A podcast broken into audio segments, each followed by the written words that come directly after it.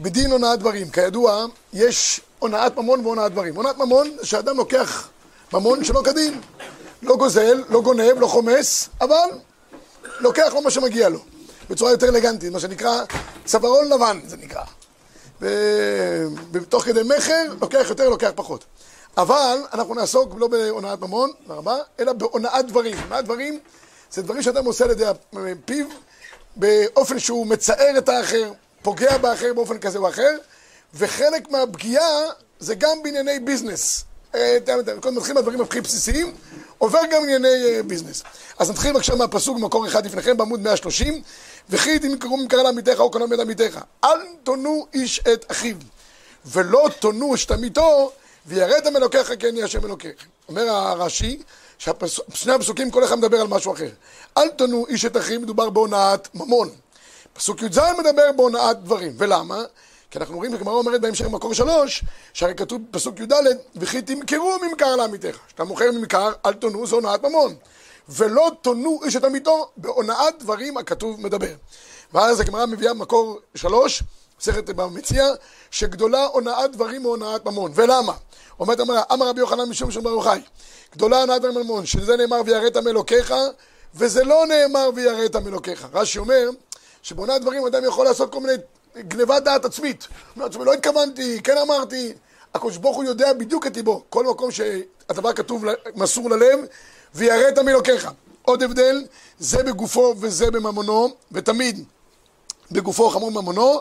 ההבדל הגדול ביותר, אמר רב שמעון בן נחמני אמר, זה ניתן להישבון, זה לא ניתן להישבון. אדם לקח ממון מחברו שלו כדין, החזיר את הגזלה אשר גזל, נגמר העניין. אדם פגע במישהו, זה הולך איתו שנים על גבי שנים. אגיד לכם פה איזה דבר יפה מהרמניה. אומר אדם אומר ביטוי אה, אה, חינוך. אחד אומר למישהו, אתה, אתה, אתה רע, אתה בטלן, לא, כל מיני ביטויים כאלה ואחרים. ברגע שהוא קלט את זה, הולך איתו כל הזמן. אז הרב אמר פעם, אמר לי פעם וורט, וורט יפה. אגיד לכם מתי הוא אמר לי את הוורט הזה. אמר כמה זה הולך הלאה, וזה הונאת דברים לצד השלילי, ויש גם דברים החיוביים. אני פעם לימדתי בכפר רועה, ונכנסתי לכיתה, באמצע, באמצע השיעור מישהו מהתלמידים פלט איזה מילה שלא כדבעי.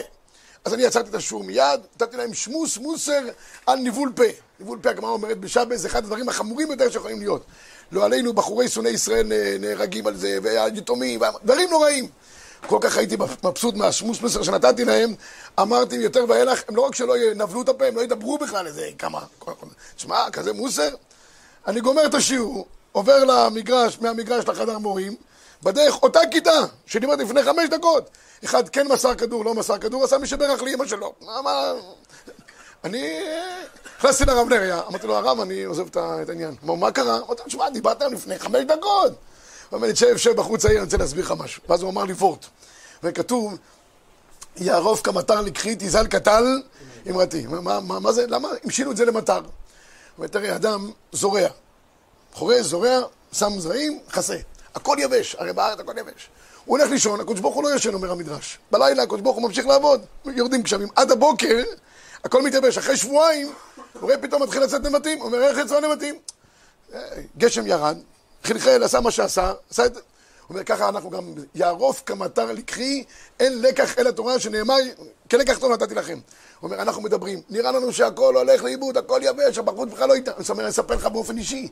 אני לוקח בחורים בעייתיים, אחרי, אחרי סדר ערב, מהבית מדרש אליי הבית, אני מדבר איתם על ליבם, ואני בטוח שעשיתי להם ברושם, איך שנגמרת השיחה, בחור אף תופף לי, אני אומר, ריבונו עולמין, תחשוב על הדברים שתי דקות, השקעתי זמן. הוא אומר, תקשיב לי טוב, אחרי 25 שנה, בא אליי בחור, אומר לי, תגיד לי, הרב, אתה זוכר שדיברת איתי? הוא לא זוכר, מה אני זוכר?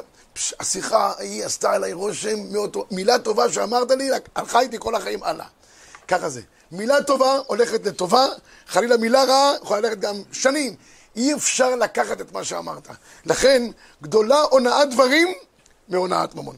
אוקיי, עכשיו נמשיך בגמרא הלאה, מה הדוגמאות להונאת דברים שאדם מצער את חברו. שאלו אותי בשיעור, למה זה נקרא הונאת דברים? תגיד, אה, לא יודע, פגיעה, הלבנת פנים, זה גם נכנס בתוך הונאת דברים. הרי הונאה בממון, שאתה לוקח ממון שלא כדין. אבל למה בהונאת דברים זה נקרא הונאה? נראה לי פשוט. אתה לוקח חלק מאישיותו של האדם. אדם מרגיש טוב, אתה אומר לו, תשמע, אתה מכוער, כמו שהגמרא שם אומרת בתענית. הוא אומר לו, מי עשה אותך כזה מכוער? אדם, אתה כזה טיפה, מילה אחת שמה, אתה הורדת לו מאישיותו, לקחת לו את חייו.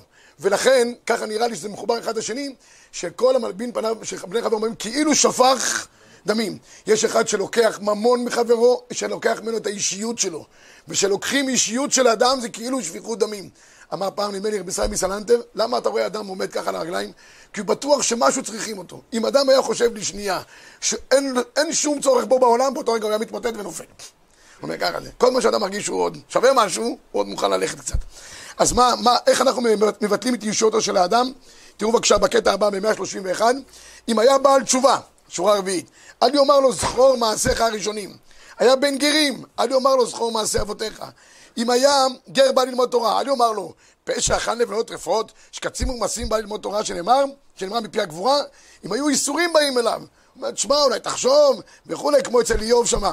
אם היו חמרים מבקשים תבואה ממנו, לא יאמר להם, לכו אצל פלוני, שהוא מוכר תבואה ויודע שלא מכר מעולם, כן? יש כאלה... רבי יהודה אומר, אף יתלה עיניו על המקר בשעה שאין עוד דמים. שהרי הדבר מסור ללב, וכל דבר מסור ללב, שנאמר בו, ויראת ולוקחה. להפנות אנשים לכל מיני, יש איזה נודניק שיושב אליך פה על עצמם, אומר, תשמע, הוא, הוא מטפל בזה, איך שהוא הולך אליו אתה ישר בורח. כל מיני טריקים כאלה ואחרים, העיקר להוציא את האדם, זה נקרא בגדר הונאת דברים. כל צער שאתה עושה לאדם, הונאת דברים. והגמרא אומרת פה שהונאת אה, דברים כלפי אשתו של האדם זה הכי חמור. יש שני אוכלוסיות מאוד קשות בענייני צער. נושים מאוד רגישות, מאוד אה, זה, כן? ויתומים ואלמנות. אלה שני קבוצות שהגמרא אומרת לגבי אשתו של אדם, אמר רב, לעולם יהיה אדם זהיר בהונאת אשתו, שמתוך שדמעתה מצויה, הונאתה קרוביו, כך גם פוסק המחבר. תראו בבקשה בשש, צריך להיזהר יותר בהונאת הגר, בגופו ממונו.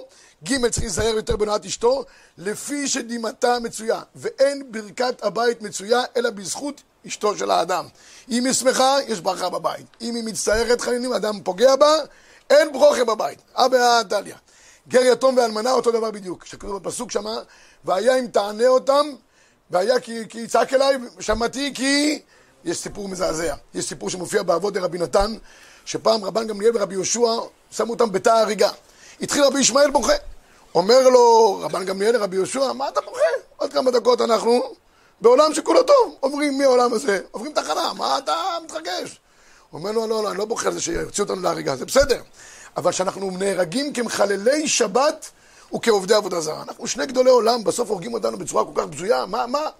אומר לו רבן גמליאל, שמא הגיעה אישה אלמנה לביתנו, ולא ענינו לה כדבעי, והתורה אמרה והיה כי תענה אותם והרגתי אתכם בחרב. פעם שמעתי מהרב סולובייצ'יק, זכר צדיק לברכה, הגריד סולובייצ'יק. הוא אמר תיאור נפלא, אומר רבן גמליאל היה נשיא שבישראל. בבוקר הוא היה בישיבה, תשובות, שאלות, תלמידים, שהוא לא לי בלאגן. אחרי צהריים הוא היה עוסק בעניינים בינלאומיים, עם הקיסר וכל מיני דברים כאלה. בהפסקה שבין לבין הוא הלך לנוח רבע שעה. אמר למזכיר שלו, אל תכניס לי אנשים, אל תעביר לי טלפונים, שום דבר, אני חייב את הרבע שעה מנוחה. איך שהוא בא לנוח, אישה אלמנה שיש לה שאלה בבשר, דופק בדלת, היא צריכה את הרב. אם יהיה בשר, הילדים שלה יאכלו ויהיו שבעים כל אחרי צהריים, בתלמוד תורה, אם לא, אפשר שנייה את הרב, אומר לה, הרב הלך לנוח. היא אומרת לו, דקה, רק שיראה את העוף שנייה. אומר לה, גברת הרב, הוא נאמן לרבו. קיצור, כמה דקות היא משתדלת, לא נותנים לה להיכנס. סוגרים את הדלת.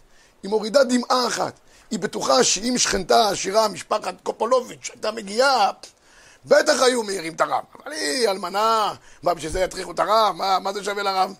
רק בגלל המחשבה הזאת, והיה כי תענה אותו, והרגתי אתכם בחרב. את זה שהיא חושבת שהאישיות שלה לא מספקת כדי להזמין הרב, זה כבר נקרא עינוי, והרגתי אתכם בחרב, חס ושלום. כך אומר רב סולובייצ'יק. טוב. לא, הוא מצער אותו. אם יש מצב שבו צריך רגישות, אם אתה נותן לו תחושה שהוא במעמד נמוך, התחושה שנתת לו, אם הוא חושב לבד, שיחשוב לבד. לא, בסדר, אבל, אבל אה, זה, זה, זה, זה, זה הרגישות יתר.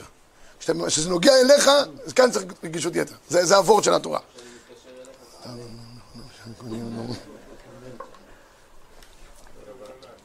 אני מקווה שאתה בסדר. כן. אנשים, ואז הוא שכח, אה, הוא שכח לברך ברכת המזון, אז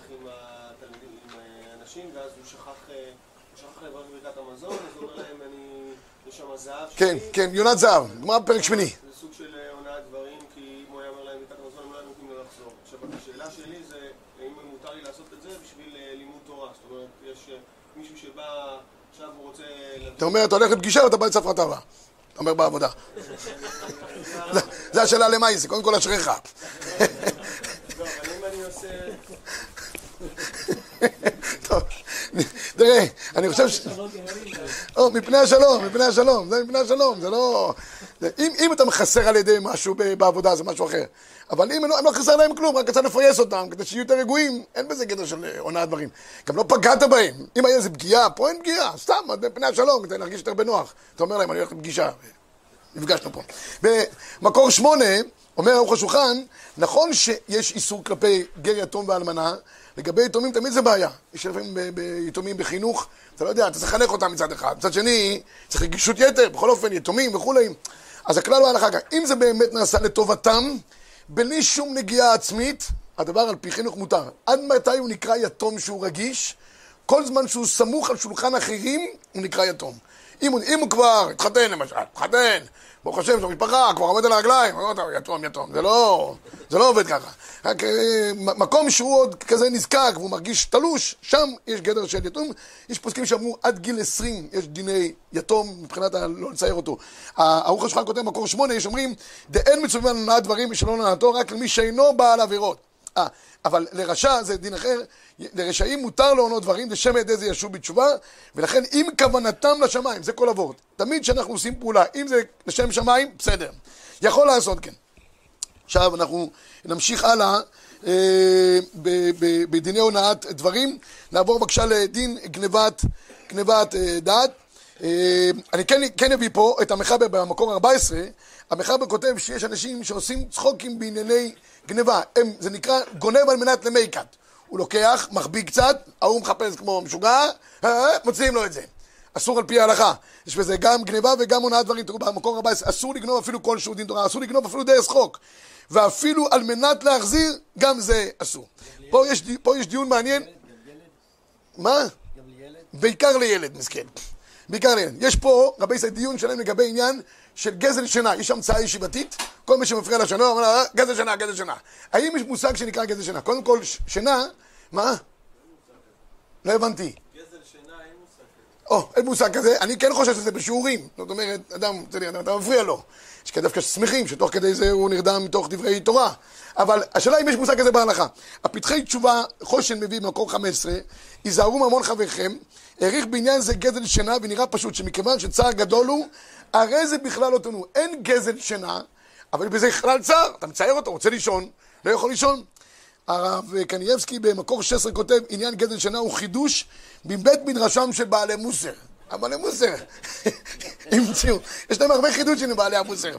והוא רק עניין של חסד של ואהבת לך כמוך. כי גזל, אין בו דבר, זה דבר שאין בו ממש, מה אתה יכול אה, לקחת ממנו? אין בזה שום דבר. טוב, זה לגבי העניין של אה, צער חברו וגזל שינה. עכשיו נעבור לעניין של גנבת דעת. אדם שגונב את אה, חברו. גנבת, דעת חברו, הכוונה היא שאתה עושה איזושהי פעולה לאדם והוא בהתפעלות מזה. הוא אומר לך, תשמע, וואו, באמת, אתה רואה פתאום מישהו אומר, מה, חיכיתי לך כל כך הרבה זמן? לא חיכית לו, לא שום דבר. אה, כל מיני הצגות שאנשים עושים. בלשון יותר איזה... יש אנשים שעושים כל מיני הצגות, ולמעשה אין איזה כיסוי. אבל הוא בטוח שהכל עשית בשבילו. האם הדבר הזה אפשרי או לא? מקור 17. תניא היה רבי מאיר אומר, אל יסרב אדם לחברו לסעוד אצלו, ויודע בו שאינו סועד. הוא מהר, אומר, בוא, תאכל, תאכל, תאכל. לא, זה, אם הוא יאכל, הוא יאכל אותו. אבל את ההצגה הוא עושה. לא ירבה לו בתקרובת ויודע שאינו מקבל. נותן לו עוגות אה, גבינה עם סוכר והוא יודע שהוא סוכרתי. לא יובטח לו חביות המכורות לחנווני, אלא אם כן הודיעו. לא יאמר לו סוך שמן פרקן, ו... אבל אם זה נעשה בשביל כבודו, מה יהיה הדין? מותר. רש"י אומר בסוף, אם בשביל כבודו של אורח להודיע לבריות שחביבו עליו, מותר. זאת אומרת, סתם הצגות, אז מה, מה החילוק? לכאורה, אז כל דבר תגיד זה נעשה לכבודו. אם אתה עושה את זה לצורך עצמך ואתה נהנה מזה, אתה מקבל מזה רווח, כי עכשיו מכאן ואילך הוא חייב לך, כי הוא בטוח שפתחת לו עכשיו שולחן, זה אסור.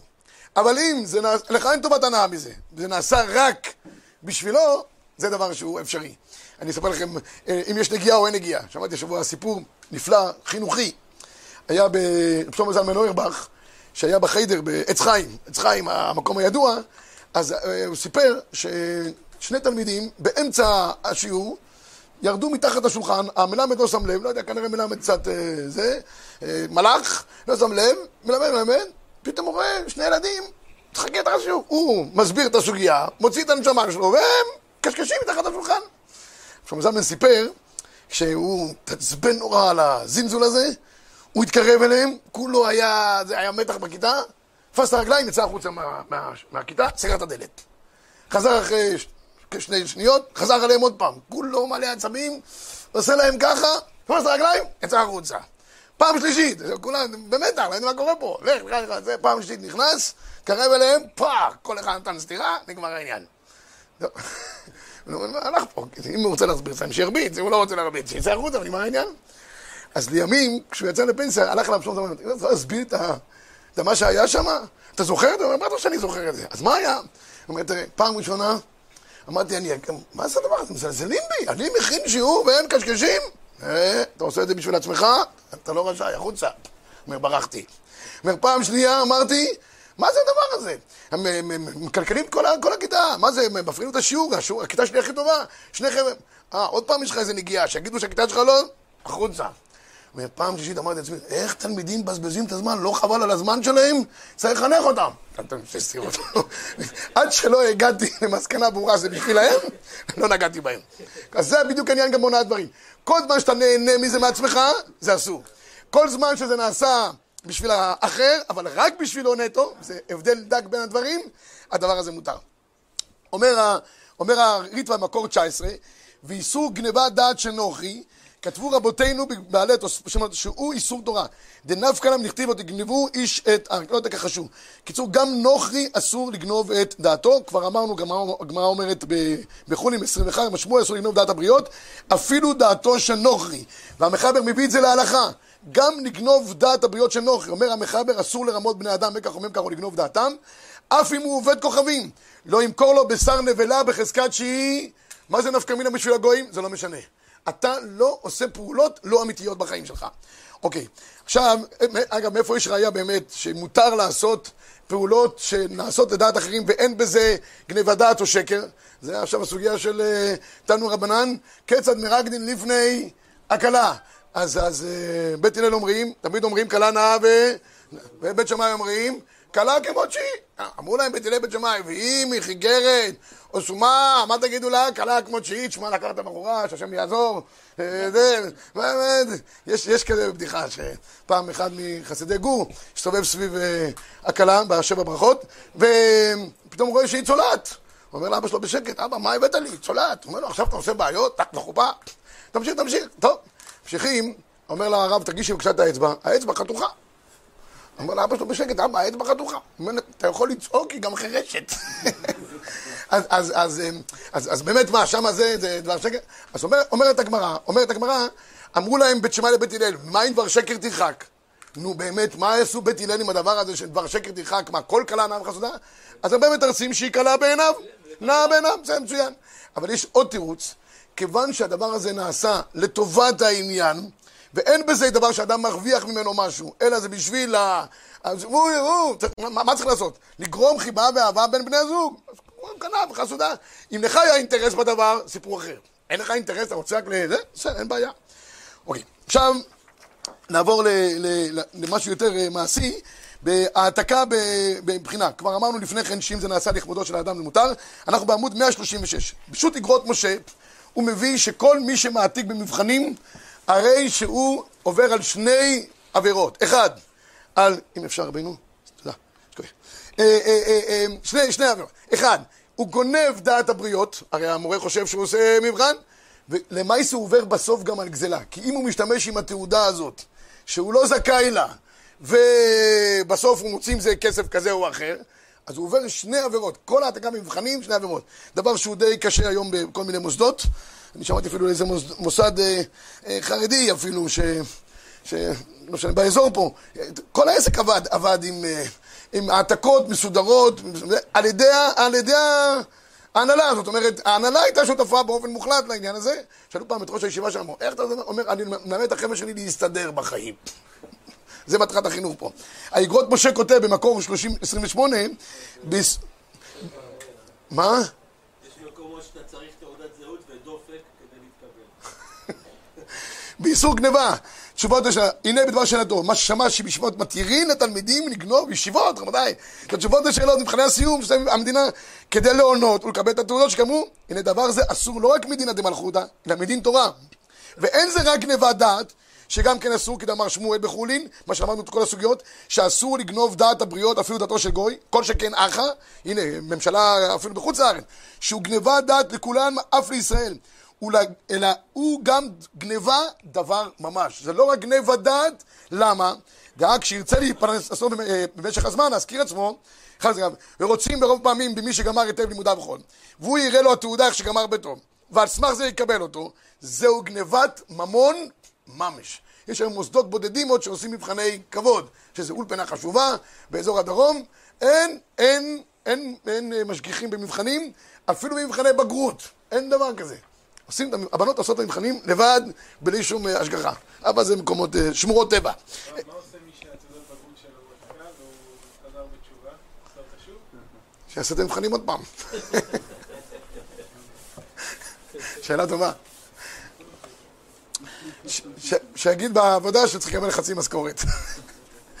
או את המשכורת יחלק למישהו העתיק ממנו. לא בטוח שהוא משתמש בתעודת זהות בשביל העבודה. רק אם הוא משתמש בה. אבל יש כאן גניבת דעת, הבריות. שני דברים, רבותיי, תזכרו טוב. זה יש כאן עצם העתקה בשעת מעשה, זה גניבת. אם הוא לא משתמש עם התעודה, הוא לא עובר על איסור גניבה. אבל גניבת דעת הוא עבר, זה אין. מי של מי? מה, מה? דעת של מי הוא גנב? של המורה, של המנהל, של משרד החינוך? מה? הם לא, הם לא אנשים בשבילך, הם לא בריאות. שלו, הבעיה הם לא בריאות. יוצאים מה, מה, מה? המחדלים, המחדלים הגדולים הם נמצאים בראש. טוב, אנחנו... אה, אותו דבר אומר הרמב"ם, מי שעושה אה, פעולות של קוסמות באופן כזה או אחר, זה נקרא אוחז את העיניים, זה גם גניבת דעת. הדבר הזה ניתן לי פתרון, אם הוא עושה דבר אחד הוא מסביר. מה, מה? הוא מסביר משהו ואז הוא... מצוין. עכשיו נעבור, רבותיי, לדין גניבת דעת במכר. מה שנקרא סוחרי מכוניות, בהגדרה הפשוטה. הוא לוקח מכונית שבקושי נוסעת, מייפה אותה, רוחץ אותה, שם קצת וקס, נותן למכונית לנסוע חמש קילומטר, ואתה נתקע, אומר, יצא מהמוסך, יצא מצוין, לא יודע מה, מה הבעיה. אז השאלה היא, האם באמת מותר לייפות דברים במכירה? אז יש גמרא מקור 30 בבבא מציאה, אין מפרכסין לא את האדם ולא את הבהמה ולא את הכלים. תנו רבונון, אין משרבטין את הבהמה, אין נובחין בקרביים, אין שורים את הבשר במים. שמואל שר אל מהם רתו לסרבלה, ואנתן מפרכסין לא את האדם ולא את הבהמה, לא קשה, אב אחד הדעה בעתיקה. אז הגמרא פה אומרת, לא עושים כל מיני פעולות כדי לייפות מוצרים שנראים. אומרת הגמרא, אבל יש חילוק. אם זה מוצר שבאמת הוא טוב, ואתה רוצה לקדם את המכירה שלו, אתה שם עליו כל מיני פרחים בבונבוניירות, וכדי שזה ייראה יותר טוב, אבל המוצר הוא טוב, אין בעיה. אבל בעתיקה, דברים שהם משומשים והם לא ראויים, ואתה מייפה אותם, זה דבר שהוא אסור מדין גנבת דעת הבריות. אומר המחבר מקור 32, אין מפרכסין, לא האדם ולא בהמה ולא כלים, כגון לצבוע זקן עבד העומד למכור. יש אה, עבד שנראה כבר חטיאר, אתה צובע את הזקן שלו, ובכלל יש שאלה, היה, היה לי שאלה הלוך למעשה, אה, חתן שהלבינו שערות ראשו בצעירותו, האם מותר לו בשידוכים לצבוע את השיער שלו? ואחרי שהוא התחתן, שבועיים אחרי כן, היא תראה מה... איזה מציע יש לה. השאלה אם זה מותר, זה לא נקרא גנבת... שני שאלות. א', מותר לאדם, אדם, לאיש, מותר לו בכלל לצבוע שיער, זה מעשה אישה לא ילבש. הרכב הוא טוב, אבל אני שוטף אותו, מנקה אותו, וגם אולי צובע אותו. אז אתה רוצה להגיד שזה מותר לכאורה. כן, אבל, אבל, אבל מה זה סמן חיצוני? זה, זה רכב הוא טוב, אתה רק מייפה אותו, אתה רוחץ אותו, זה בסדר גמור. פה יש איזה, סליחה שאני אומר, זה נראה, בחור צעיר עם שיער לבן לגמרי, זה נראה קצת פגם, לא? לא, לא. לא, לא בטוח. בגיל שלכם זה לא בטוח, אבל בגיל 18, נראה אתכם מדברים ככה, מה? השתלת שיער. השאלת שיער זה נשאר קבוע, לא? מה, זה יוצא במשך הזמן? אתה מדבר מניסיון? יכול להיות שזה גנטי. רגע, לצבוע זקן מותר? מה? רבותיי, קודם כל כצביעת שיער עצמה יש שאלה של דין לא ילבש. אמרו לי שהדבר הזה היום מאוד מצוי אצל גברים שהם... לא, בשביל זה שאלתי על זקן. שאלתי פעם, סתם מישהו, הוא אומר לי, לא אסור ילבש. אמרתי, אתה מכיר אישה שיש שצובעת הזקן? לא, אבל עצם הצביעה, לא הזקן. עצם הצביעה עצמה... עצם הצביעה היא בעייתית. ב', אני גם חושב שפה איזה אלמנט של מקח טעות. מה, אישה רוצה בחור צעיר שנראה זה, עם הזמן. הם מתבגרים ונהיים קשישים, אבל, אבל, אבל... אה, מה, לא. אז, אני שם, אני, שם, זה טוב לשיווק, אה? הוא כבר היה נשוי. הגמרא שם אומרת, אם לכבי דיוויתו, ואז היא אמרה לו, אין בעיה, כן, אבל, אבל, פה זה אין ראייה. הוא מצא ראייה יפה מרמזר בן עזריה, שזה לשערות לבנות, מי שהיה נשוי. אחרי שאתה מתחתן זה כבר לא נגמר העניין, זה לא משנה איך אתה נראה. אבל בשידוכים זה, זה, זה נפקא מינה. רב אברום, רב אברום שפירא, כמדומני, אני לא יכול להגיד את זה בצורה ודאית, כמדומני שהוא התיר את, הדבר הזה, אבל בתנאי שהוא יגיד לה, נכון? יש... היה לי חבר במרכז הרב, או. שהוא היה ככה גם כן, נו נו, הוא- הוא הוא תמיד חכם גדול, והוא צבא.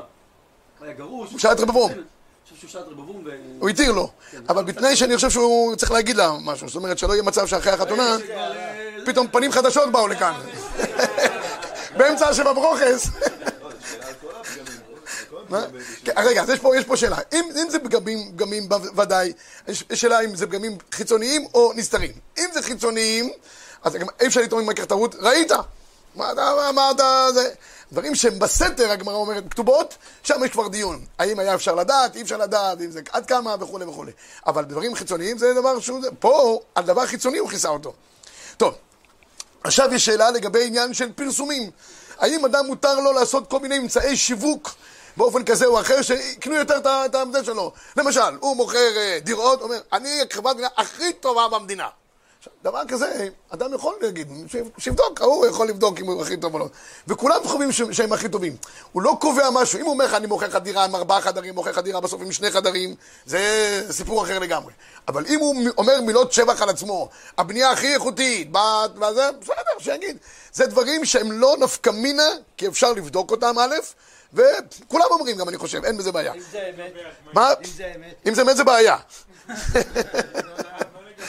אתה אומר, זה לא טעות, כי בדרך כלל משקרים. לא, האמת שבאמת הוא בא- קבלן שעושה גם את הפיניש בצורה הכי טובה. נו, מצוין, מצוין. לא, אז הוא מפרסם לעצמו ככה. נו, מצוין. זה בסדר. אני חושב, כן. לגבי הדמיות שכתוב אה, המחשה בלבד, זה תופס, תקף? הוא כאילו מראה לך בהדמיה שהדירה שלו היא באיזה כפר ובכלל בין איזה אלף בניינים בקושי אתה רואה את עצמך. אני חושב שכן, א', יכול לבדוק את זה, א', לא מוכר את זה, וב', אם כתוב המחשה, אתה יודע שזה, אני מוכר לך, המחשה זה כוכבית, אני מוכר לך לוקש. תבדוק, זה המחשה. כן.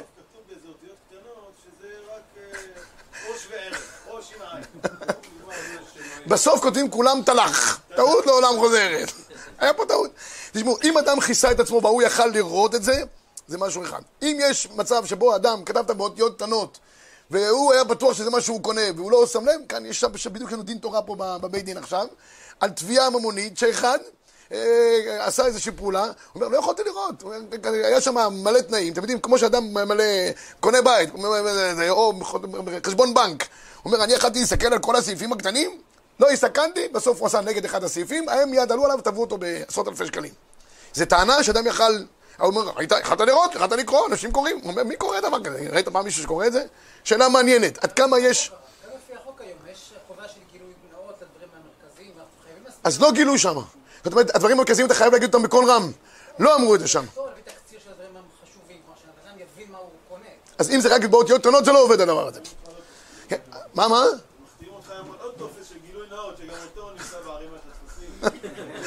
גם הוא ועוד ועוד. טוב, תראו בבקשה מקור 17 לספר דרך כמוך. פרסומת המטעה את הבריות, גורמת להם להחליט לקנות על סמך מידע שאינו אמיתי, זו גניבה דעת. אני ב-37ח'. מוכר, שעשה פעולות הגורמות להרבות לא קונים, מבלי להסתיר מידע חיוני. הגמרא מביאה שאחד החנוונים מחלק אה, מתנות לילדים. הוא אומר, מבצעים, רבותיי, מבצעים. אחד בשתיים, לא יודע, שתיים במחיר אחד. זה אין בעיה. לעשות מבצעים להביא קונים, זה לא גניבת דעת. אתה הרי, אתה ככה מושך ממקומות, זכותך המלאה, זכותך לעשות הכל בעסק כדי להרוויח כמה שאתה יכול. זה אין בעיה. להטעות אנשים עם פרסומים לא מדויקים, כאן יש גניבת דעת. אלא שהוא מנצל את העובדה שהקונים חוקרים מכבדים את הדרך, אין בזה משום גניבת דעת. נקדם, הנה, מה שהגמרא אומרת במציע, מקור 38. רבי יהודה אומר, לא יחלק החנווני כליות ואגוזים תינוקות, ושמרגינה לבוא אצלו, חכמים מתירים, לא יבחור את השאר. אז הגמרא, הגמרא אומרת, למה, למה באמת יכול להיות שחכמים מתירים, מה איתם מאיו דרבנן, שאומרים חכמים, תשמע, אנחנו מוכרים כליות ואגוזים, אתה תחלק, מסטיקים, מה זה משנה? אם, אם השוק פתוח ואין פה איזה דבר שנעשה. מה שכן, אם אתה רואה כבר מישהו שנמצא בחנות של מישהו אחר, ואתה קורא לו, אומר לו, בוא, בוא, בוא, מה אתה נכנס לפה, אני נותן לך חצי מחיר, זה כבר השגת גבול, זה כבר איסור. אבל כל מה שאתה עושה פרסומת הוגנת, בגלל זה אתה מושך קונים אליך, אין בזה שום בעיה הלכתית. תראו בבקשה מקור 39 ברוך השולחן, מותר לחנווני לחלק כליות ואגוזים ותינוקות ולהרגילם שיקנו ממנו. ואין שאר החנוונים יכולים למחות בו. ומי ימחה בידם לעשות כן? כן, שעד כל אחד לעשות איזו השתדלות, פדיון, כמו שמבקש מאנשים שיקחו ממנו. אבל מחנותו של האחר אין לקרות שום קונה, ועובר בלא תשיג גבול. וכן יכול למכור בזול, והם בני השוק יכולים לעכב עליו. אמנם נראה לי, זהו רק בתבואה, מפני שאני זה לא משנה, אבל בעיקרון, מבצעים על פי ההלכה יכולים ודאי להיעשות, אין בזה שום, שום בעיה. ההפך, אנחנו רוצים קידום השוק ופיתוחו. בשוק מותר לקרוא שתיים בזה, שתיים בזה? מה? בעל הבית השתגע, בעל הבית השתגע. מישהו נמצא בבסטה אחרת פתאום אתה קורא לו? זה נחשב שלא... אתה קורא לו, אתה לא אומר, אני מוכר שתיים בזה, עשר ב- בשקל. מה, מה? הוא כבר נמצא בבסטה אחרת. אבל ככה זה שוק, שוק זה מה, אה, אף אחד לא נמצא אצל אף אחד. זה, זה ככה שוק, שוק מתנהל בצורה, בצורה הזאת. מה, מה, מה? לשבור את מחירי השוק, תבוא עליך ברכה. לא, אבל אסור, הוא אומר, אסור מחירי הפסד, אסור לך למכור במחיר של הפסד, ושבסוף תגרום לכולם... אה, לא, לא הפסד, לא הפסד. לשבור את השוק, זאת אומרת, עוף בשקל. אם עכשיו, בדיוק, אופן שקל שאתה מפסיד עליו, וכולם הפסדים, אתה עכשיו תגרום, אתה רוצה להוציא מתחרים מהשוק. אתה יכול לספוג קצת הפסדים, אה, זה, אתה רוצה... כי אתה מוכר דברים אחרים. כן.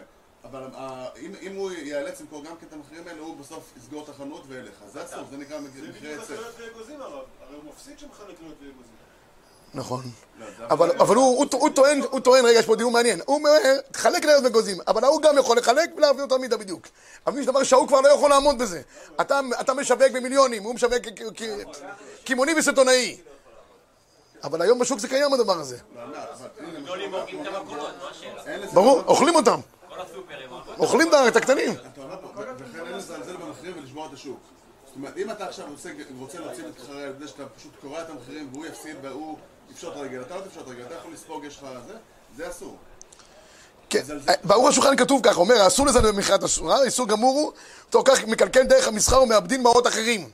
אבל השאלה באיזה, באיזה פרופורציה, היום זה מצוי מאוד, שהגדולים גדולים מוכרים לך במבצעים גדולים, האנשים מרוויחים מזה בסופו של דבר, והקטנים לא יכולים להחזיק מעמד, ואני חושב שזה... כן, בדיוק, בדיוק. גם- גם יש- יש- יש- גם גם בחוק יש מגבלות על... סחר, איך זה נקרא? על סחר, זאת אומרת, ברגע שאתה שובר את השוק, או כאילו עושה קרטל, עושה... זה אסור, אסור. זה אסור על פי חוק. זה הדברים שאסורים. טוב, הדבר האחרון, רבי ישראל, מי שגוזל את הרבים, מה דינו? יש אנשים שלוקחים מכל מיני מקומות, דברים כאלה ואחרים, הורסים, מזיקים באופן כזה או אחר, מה דינם של אנשים שהם גוזלים את הרבים? אז אומרת הגמרא במקור 40, אמר רבי לוי, קשרון שם של מידות נותן שם של אריות, זה נאמר בהן על, זה נאמר אלה, מה משמע דעל? אל קשהו, דכתיב, ואת אלי הארץ לקח. אז גזל שכתוב בו על, הוא הרבה יותר קשה מענייני. רש"י אומר, אה, מה ההבדל בין זה לזה, בין אריות לבין זה? כי זה אפשר בתשובה, זה לא אפשר בתשובה. אומר רש"י ב-41, זה רשב"ם, אפשר בתשובה. אריות מועילת תשובה, יביא תשובה למעין, תכתיב שוב בנים שאוהבים אך פעם תשובתכם. אמרינן מכל חבי כריתות שלקו נפטרו לקראתם. אבל מידות שגוזל את הרבים, אחד שמוכר בצורה לא מדויקת וכולי, אי אפשר לו בתשובה, למה? שהרי תשובתו תלויה בהשבת גזלה. אין תשובה בגזלה בלי להשיב את הגזלה, שנאמר והשיב את הגזלה אשר גזל. גזלת את הרבים, הזקת את הרבים באופן כזה או אחר, למי תשיב? איך תעשה תשובה? בלי השבה אין, אין תשובה. והוא אינו יודע למי יחזיר. לכן אומר המח- המחבר מקור 42, איך יש תקנה למי שגוזל את הרבים? ואדם, אדם, לא יודע, לא שילם שכר לימוד למוסדות באופן כזה או אחר, וגזל אותם ורימה אותם. המון, מה זה הכנסה? באופן כזה או אחר. מה, מה, עושים מדברים כאלה? אומר המחבר, הרועים הגבאים המוכסים. הנה זה מס הכנסה בדיוק. תשובתן קשה.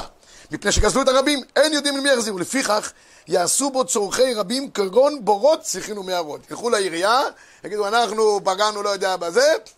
מה, מה, מה, מה הוורט? הוורט הוא, כשהוא מפצה את הרבים באיזה דבר שהוא עושה לרבים, יש סיכוי שאת מי שהוא גזל, הוא גם ייהנה ממנו, וככה הוא משיב לו את הגזלה. זה אבות. גם לישיבה אפשר לתת. אפשר לתת לצורבה או לישיבה, וזה נקרא רבים. החתן של הרב עובדיה אמר שהוא פותח, אה, מי שגזל את הרבים והוא לא יודע למי, אז יש לו קופת גמח, שהוא איתו, הוא עוזר לאנשים, ואז הוא אומר...